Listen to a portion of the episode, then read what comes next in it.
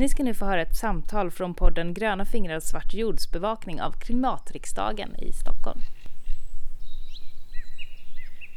Vår förening har vuxit ganska mycket de senaste åren. Visst har det det? Det har blivit lite poppis med permakultur. Ja, nej men vad permakultur ger det är ju en helhetssyn. Mm. Att allting påverkar allting. Mm.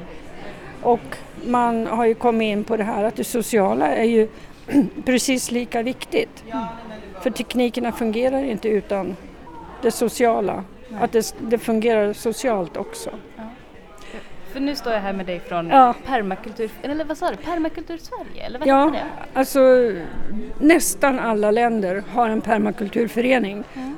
Och eh, då skiljer man ju att ja, men jag är från Sverige, jag är från Permakultur Sverige, Permakultur Danmark, Permakultur Norge. Just det. Och du hette Chris Druid. Ja.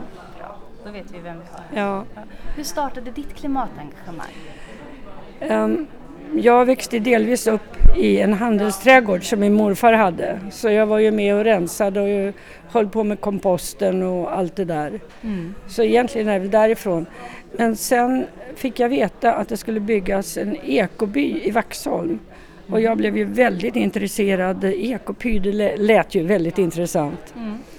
Och sen blev jag ju introducerad till permakultur genom det också. Mm. Så ja, det har bara fortsatt. Vad Min... härligt att växa upp i en handelsträdgård sådär. Ja, det är mycket jobb faktiskt. Ja, ja. det vet ju vi som håller på. Det, ja. det händer inte av sig självt. Nej, Nej, det gör det inte. Man måste ha mycket planering också. Mm. Det, det, ligger ju i uh, design. Man måste planera mycket, man måste veta ganska mycket också. Sen givetvis måste man ju också pröva sig fram. Mm. Um. Tror du att permakultur kan vara en del av lösningen i hur man kan lösa klimatkriserna? Det är lösningen. Det är lösningen. Så enkelt är det. Ja. Nej, Eller men, så svårt nej, är det. det är... Ja, nej men alltså om man liksom följer permakultur och tänker på det sättet då försöker man ju få allting att samverka med allting annat och man ska inte ha sånt som man vet inte är bra. Nej, just det. Då, då hamnar du där inom planetens gränssnitt. Har du några tips till de som känner att de gärna vill göra någonting för klimatet eller vill hålla på mer med permakultur? Vad skulle du ge dem för råd? Alltså det beror ju alldeles på var du är. Om du bor mitt i en stad då kan du ju liksom fundera på hur mycket vatten använder jag? Var handlar jag? Vad handlar jag? Använder jag saker om igen? Går jag på loppmarknader etc. Mm.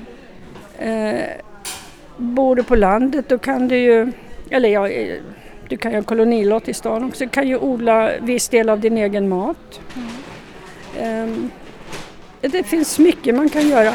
Och sen det här med att försöka att få samhället att fungera bättre genom att hjälpa vissa och så vidare. Det, det finns väldigt mycket man kan göra. Den sociala hållbarheten också? Ja, den är jätteviktig. Har du inte den då kan du få en massa problem. Tack så jättemycket, vilka okay. kloka ord och lycka till här på Klimatriksdagen.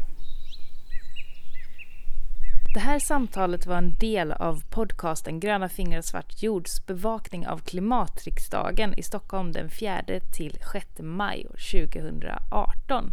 Ni kan hitta alla delarna på www.gronafingrarsvartjord.se